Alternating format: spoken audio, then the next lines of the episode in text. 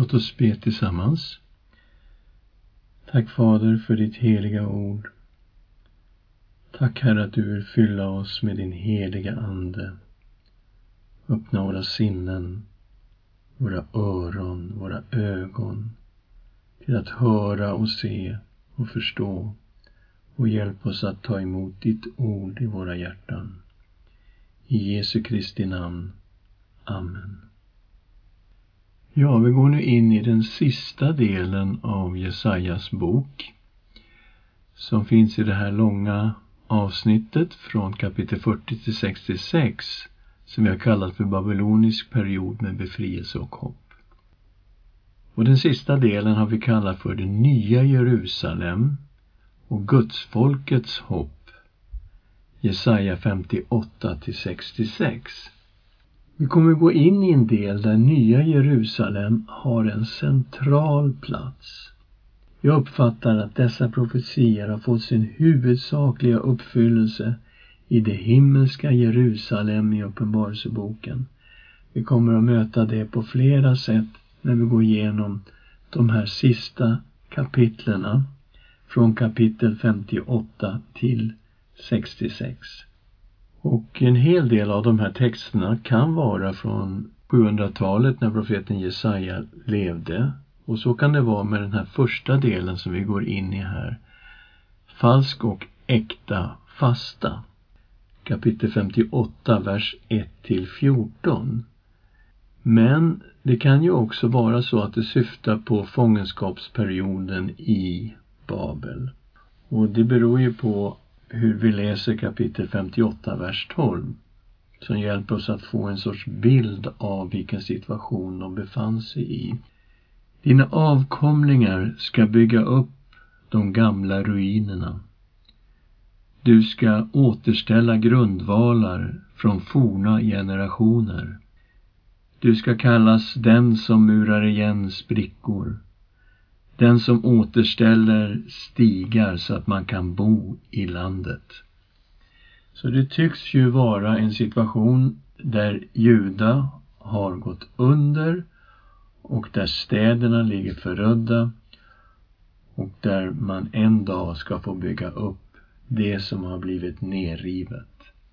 Men annars så finns det så mycket i det här som lika gärna skulle passa rakt in på profeten Jesajas livstid. Jesaja skulle ropa ut folkets synd och det ser vi redan i första versen. Ropa för full hals, håll inte tillbaka. Höj din röst som en basun och förkunna för mitt folk deras brott, för Jakobs hus deras synder. Så som en härold som hade ett bestämt budskap ifrån sin konung så skulle Jesaja ställa sig där och ropa så mycket han bara kunde. Och det han skulle ropa ut, det var ju folkets synd. Och vi möter en situation här om folket som undrade om det var någon idé att fasta överhuvudtaget. Kapitel 58, vers 2 och 3. De söker mig dag efter dag och vill gärna lära känna mina vägar, som om de vore ett folk som handlade rättfärdigt och inte överger sin Guds domslut. De frågar mig om rätta domslut och vill komma nära Gud. Varför fastar vi när du inte ser det? Varför speker vi oss när du inte märker det? Okej, okay, de tyckte inte att Gud märkte att de fastade och spekte sig. Det, det, spelade ingen roll, det hjälpte inte på något sätt. Och så kommer då en undervisning om rätt fasta. Och det här är någonting som vi kan ta till våra hjärtan direkt. Vi läser i andra delen av vers 3 och framåt. Men se, på er fastedag sköter ni era sysslor och driver alla era arbetare hårt. Ni håller fasta med gräl och bråk. Ni slåss med onda nävar. Ni fastar idag, inte på ett sådant sätt att er röst kan bli hörd i höjden. Okej, okay, här har vi ju någonting då att om man lever på ett felaktigt sätt och lever i synd så är det inte säkert att Gud lyssnar på våra böner. Och det här mötte vi ju väldigt tidigt i kapitel 1, vers 15 där det handlade om att de var religiösa men Gud ville inte ta emot deras offer, inte på något sätt. Därför att de blandade synd tillsammans med religiositet. Det Gud ville ha var ju omvändelse. Och i 1 och 15 läste vi När ni räcker ut era händer döljer jag mina ögon för er. Även om ni ber mycket kommer jag inte att lyssna.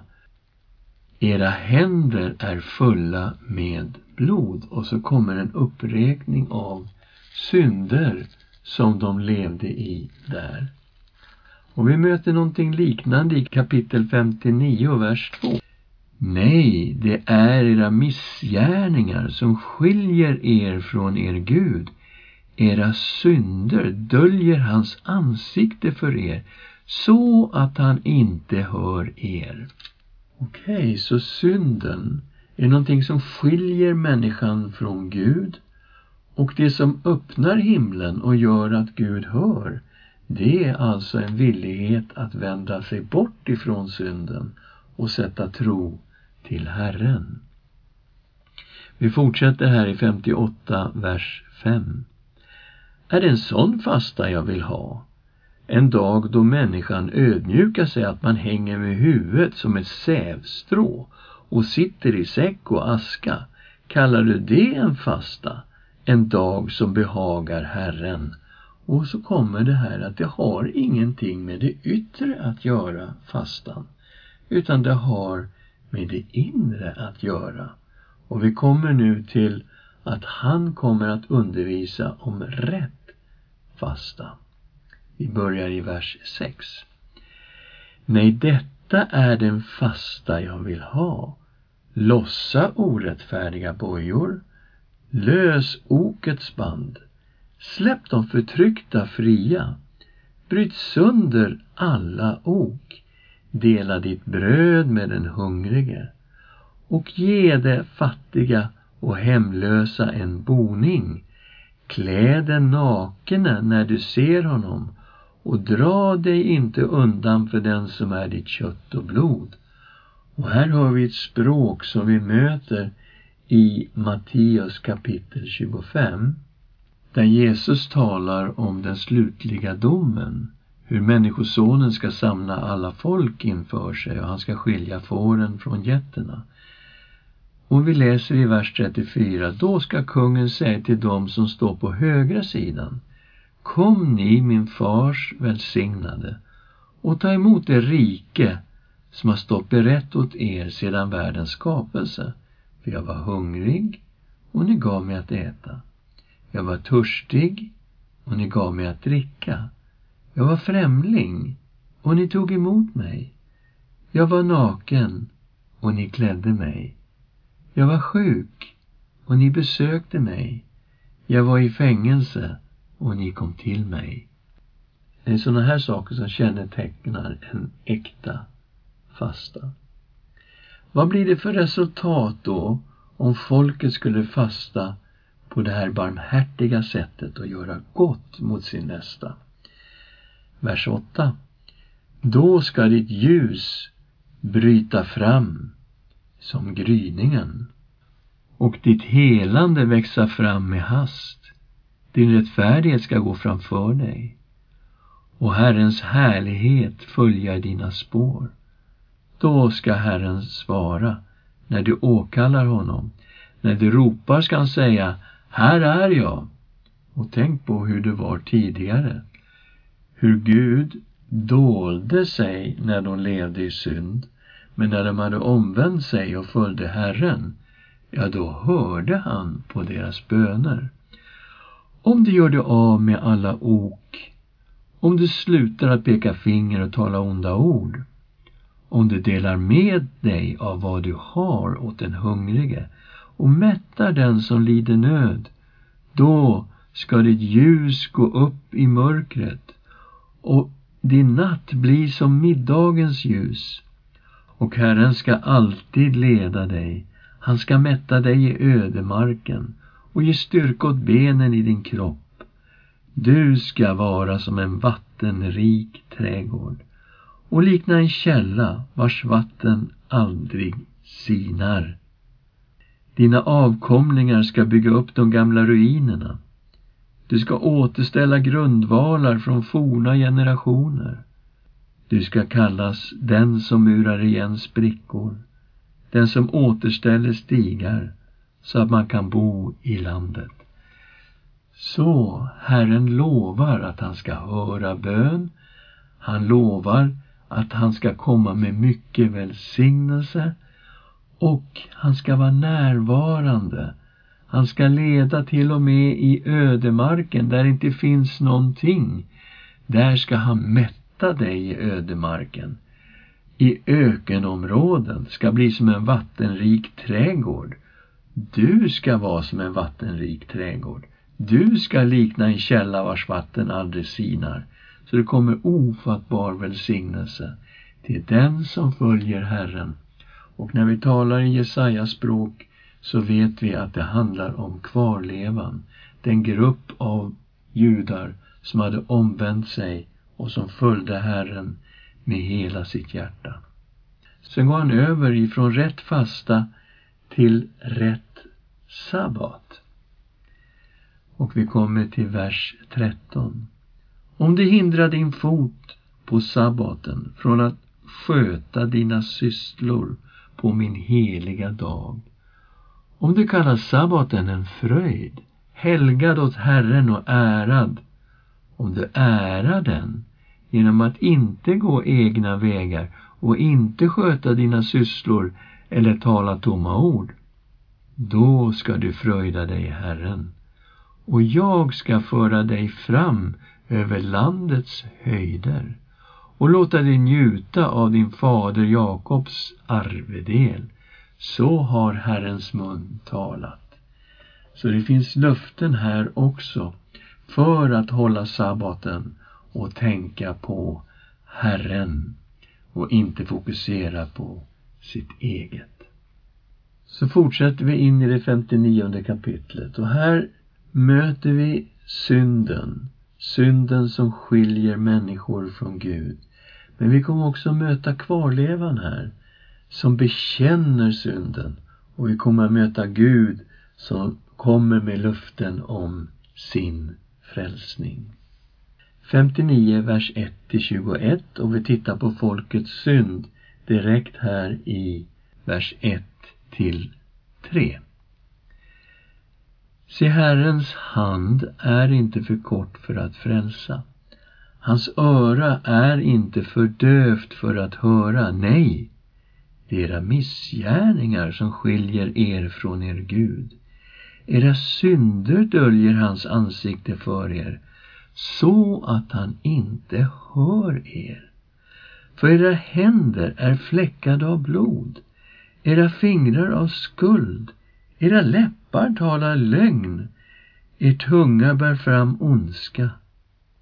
Så vi ser här att det var synden som separerade folket från Gud. Och Herren går vidare, han säger att den här synden och ondskan är så djupt rotade i er att era liv helt kontrolleras av dem. De beskrevs till och med som gravida som födde fram ondska. Vi kommer till vers 4. Ingen ropar efter rättfärdighet. Ingen dömer med sanning. Du litar till tomhet och talar lögn. Du går havande med olycka och föder fördärv.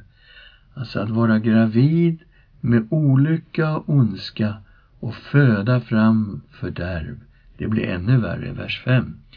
De kläcker ormägg och väver spindelnät. Den som äter av deras ägg dör och krossas ett kommer det ut en orm. Vi hör här ett eko av Jesus ord när han talar till fariseerna och kallar dem för barn av ormar. Och i Bibeln så finns det en ärkeorm och det är Satan själv. Och när Jesus kallar dem för barn av ormar, då vet vi vem han anser att deras far är. Deras spindelnät duger inte till kläder. De kan inte skylla sig själva med vad de har tillverkat. Deras verk är ondskans verk. Deras händer utövar våld. Deras fötter rusar till det som är ont. De är snabba att spilla oskyldigt blod. Deras tankar är fördärvets tankar. Förödelse och elände råder på deras vägar. Fridens väg känner de inte. Rätten följer inte i deras spår. De går krokiga stigar. Ingen som vandrar dem vet vad frid är. Så det här är mycket hårda ord över synden i människors liv. Här specifikt om judarna som levde i synd. Och det Gud kräver genom hela Jesaja bok, det är omvändelse från synden och tro på honom, att följa honom med hela sitt hjärta. Vända sig bort från avgudar, men också vända sig bort från synden och ondskan. Och så kommer vi då till en syndabekännelse. Och här känner vi igen kvarlevan i Jesajas bok. Det är den här gruppen av människor som har bekänt sin synd, omvänt sig och som följer Herren. Och vi lyssnar till ett vi som finns i den här texten där man går in och bekänner sin egen synd ifrån vers 9. Därför är rättvisan fjärran ifrån oss. Rättfärdigheten når oss inte. Vi väntar på ljus, men här råder mörker, på solsken, men vi vandrar i dunkel. Vi famlar som blinda längs väggen, famlar som om vi inte hade ögon. Vi stapplar mitt på dagen som om det var skymning. Bland de friska är vi som döda. Vi brummar alla som björnar och kuttrar sorgset som duvor. Vi väntar på rättvisa, men den kommer inte efter frälsning, men den är fjärran från oss. Våra brott inför dig är många. Våra synder vittnar mot oss. Våra brott följer med oss. Vi känner våra missgärningar. Vi har gjort uppror och förnekat Herren. Vi har vänt vår Gud ryggen.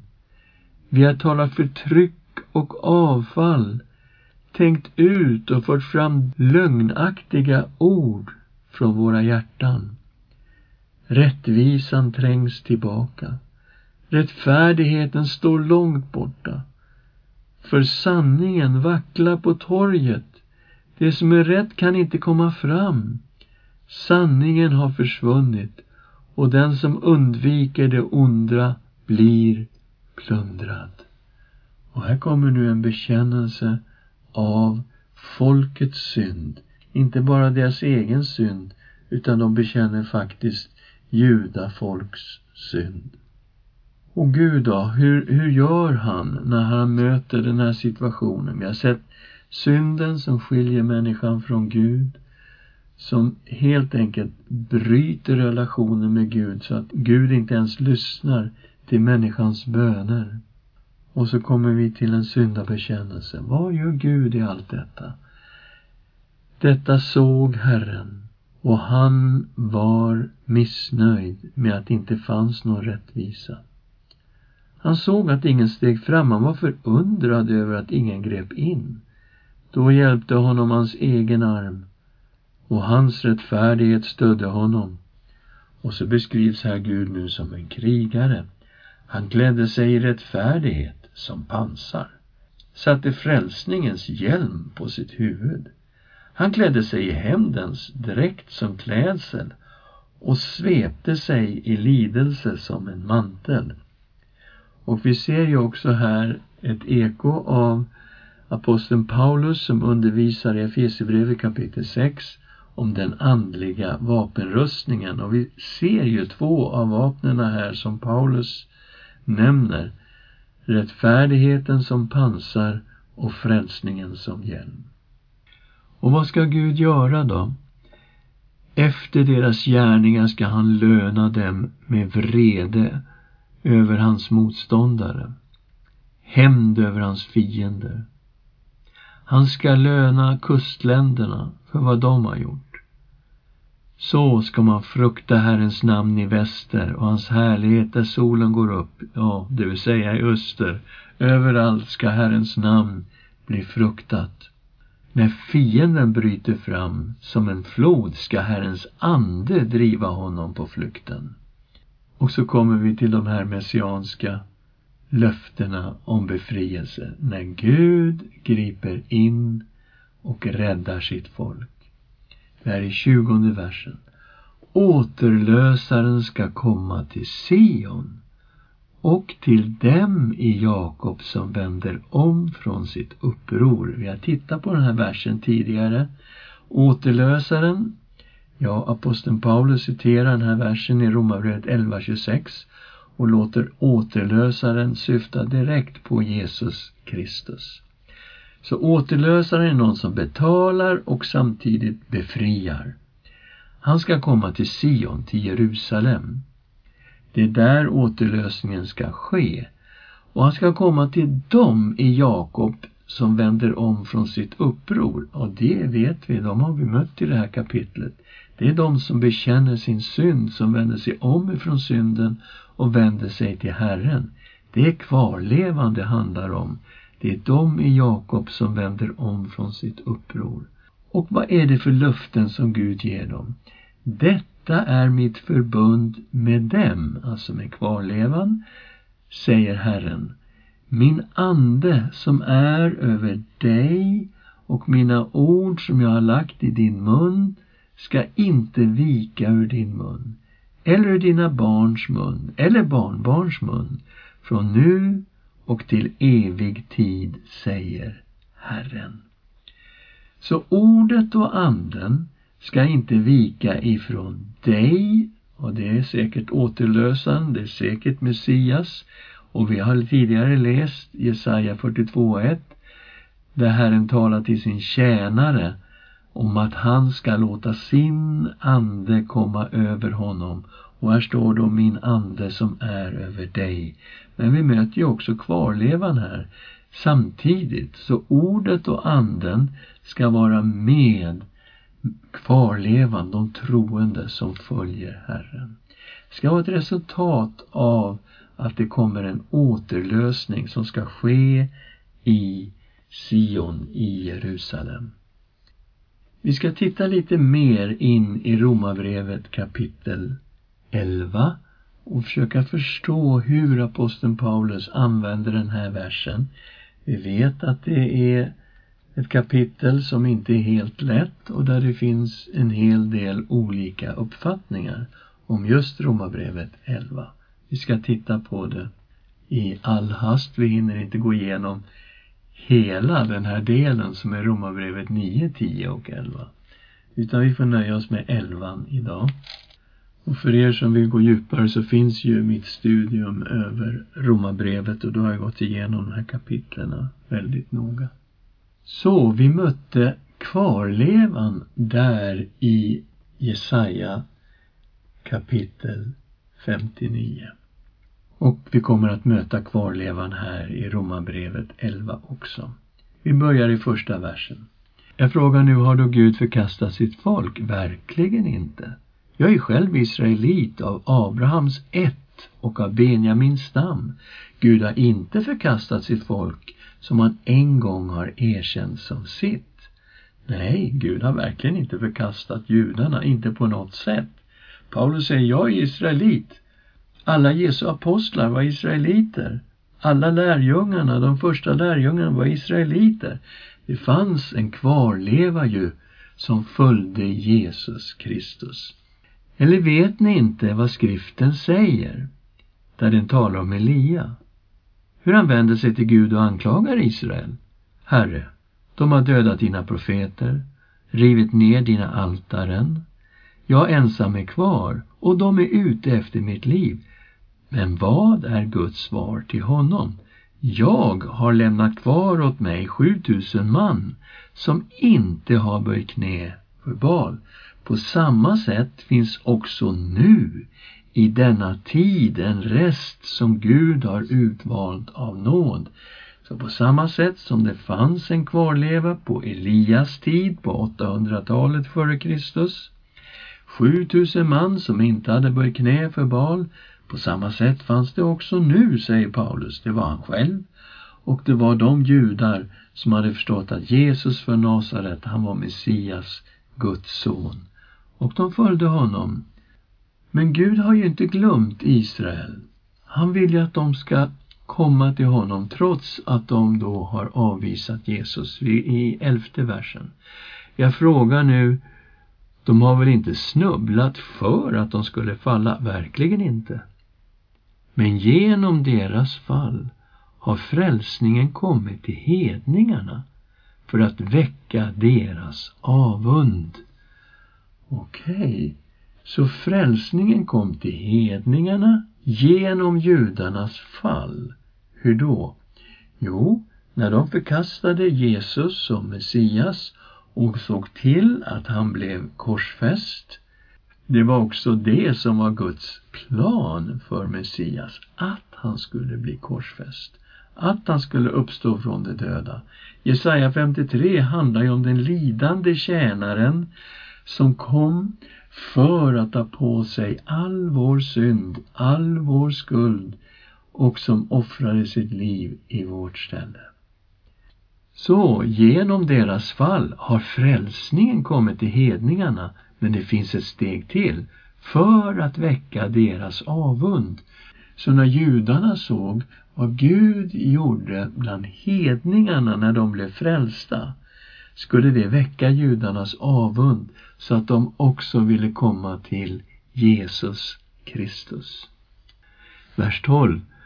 Och om deras fall innebar rikedom för världen och deras fåtalighet rikedom för hedningarna, hur mycket mer ska då inte deras fulla antal bli det? Och till er hedningar säger jag som hedningarnas apostel sätter jag mitt ämbete högt i hopp om att väcka mina landsmäns avund och frälsa några av dem. Så här har vi Guds strategi att genom vad Gud gör bland hedningarna ska judarna väckas till avund. Och vi ser en hel del av de messianska judarna idag som har kommit till Kristus på just det här sättet. För om deras förkastelse innebar världens försoning, vad ska då inte deras upptagande innebära om inte liv från de döda? Så det kommer att komma mängder med judar till tro på Jesus Kristus. Hur ska vi förstå det här? Ja, Paulus ger oss en bild.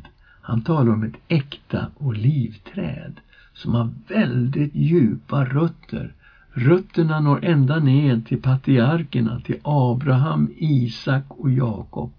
Och det här trädet, det består av dem som tror på Herren och som följer honom. Precis som vi har mött kvarlevan i Jesajas tid om en grupp människor som följer Herren och tror på honom. De tillhör naturligtvis det äkta olivträdet. Och sen säger Paulus att en del grenar har brutits bort ifrån det här äkta olivträdet. Det är judar som inte har tagit emot Jesus som Messias. De har brutits bort på grund av sin otro. Och istället har Gud tagit hedningar som kommer från en vildoliv och ympat in dem i det äkta olivträdet så att hedningarna har fått komma in i det äkta olivträdet och det här olivträdet det är alltså den troende delen av Israel. Det är Guds folket. Och vi kommer vidare och ser hur Paulus utvecklar den här bilden. Vi börjar i vers 16. Om förstlingsbrödet är heligt är hela degen helig och om roten är helig är också grenarna heliga. Men om nu några av grenarna har brutits bort och du som är en vild olivkvist har blivit inympad bland dem och fått del av det äkta olivträdets näringsrika rot, då ska du inte förhäva dig över grenarna. Om du förhäver dig ska du veta att det inte är du som bär roten, utan roten som bär dig. Nu invänder du kanske. Grenarna bröts bort för att jag skulle ympas in. Det stämmer. De bröts bort på grund av otro. Men du är kvar genom tron. Var inte högmodig, utan bäva. För om Gud inte skonade de naturliga grenarna ska han inte heller skona dig. Se här, Guds godhet och stränghet. Stränghet mot dem som föll, Guds godhet mot dig om du blir kvar i hans godhet. Annars blir också du bortskuren. Men även de andra kommer att ympas in ifall de inte blir kvar i sin otro. För Gud har makt att ympa in dem igen. Så här har vi avundstanken som verkar, som väcker judarna till att söka Jesus och när de tar emot honom, de är inte kvar längre i sin otro, då ympas de in direkt i det äkta olivträdet. För om du blev bortskuren från vildoliven som du av naturen tillhörde och mot naturen inympad i ett äkta olivträd, hur mycket lättare ska då inte de naturliga grenarna ympas in i sitt eget olivträd? Självklart, det blir ju som att komma hem när de ser att det är Jesus från Nasaret, Jeshua, som är Messias. Och vi kommer till detta där vi också kommer att möta vår vers ifrån Jesaja om hela Israels frälsning 11.25-27. Bröder, jag vill att ni ska känna till denna hemlighet så att ni inte har för höga tankar om er själva. Förhärdelse har drabbat en del av Israel och så ska det förbli till dess att hedningarna i fullt antal har kommit in. Kommit in i vad då? Jo, naturligtvis i det äkta olivträdet. Och vad är det äkta olivträdet? Ja, det är den troende delen av Israel med rötter ända ner till Abraham, Isak och Jakob. Men sen då, vad hände sen? Och det är så hela Israel ska bli frälst som det står skrivet. Och så kommer vår vers här ifrån Jesaja kapitel 59. Från Sion ska frälsaren komma för att ta bort ogudaktighet från Jakob. Och detta är mitt förbund med dem när jag tar bort deras synder. Och självklart kan man läsa den här versen på två sätt. Man kan se det som en eskatologisk vers ifrån Paulus perspektiv. Någonting som ska hända i ändens tid efter att alla hedningarna har kommit in i fullt antal. Då ska frälsaren komma från Sion och ta bort ogudaktigheten från Jakob. Men det är inte så jag läser det här, utan jag ser att aposteln Paulus citerar Jesaja 59, vers 20 och 21. Så det är så jag uppfattar det, det vill säga från Sion ska frälsaren komma. Det är i Jerusalem. Jesus har redan kommit. Han ska ta bort ogudaktigheten från Jakob. Det har han gjort när han offrade sig själv på Golgata. Han ska inte offras igen. Han är offrad en gång för alla. Ta bort ogudaktigheten från Jakob. Och detta är mitt förbund med dem när jag tar bort deras synder. Ja, detta är det nya förbundet. Det ska inte bli ytterligare ett nytt förbund utan det är det här förbundet som instiftades på Golgata som är det nya förbundet. Så läser jag den här versen. Från Sion ska frälsaren komma och ta bort ogudaktighet från Jakob och detta är mitt förbund med dem när jag tar bort deras synder.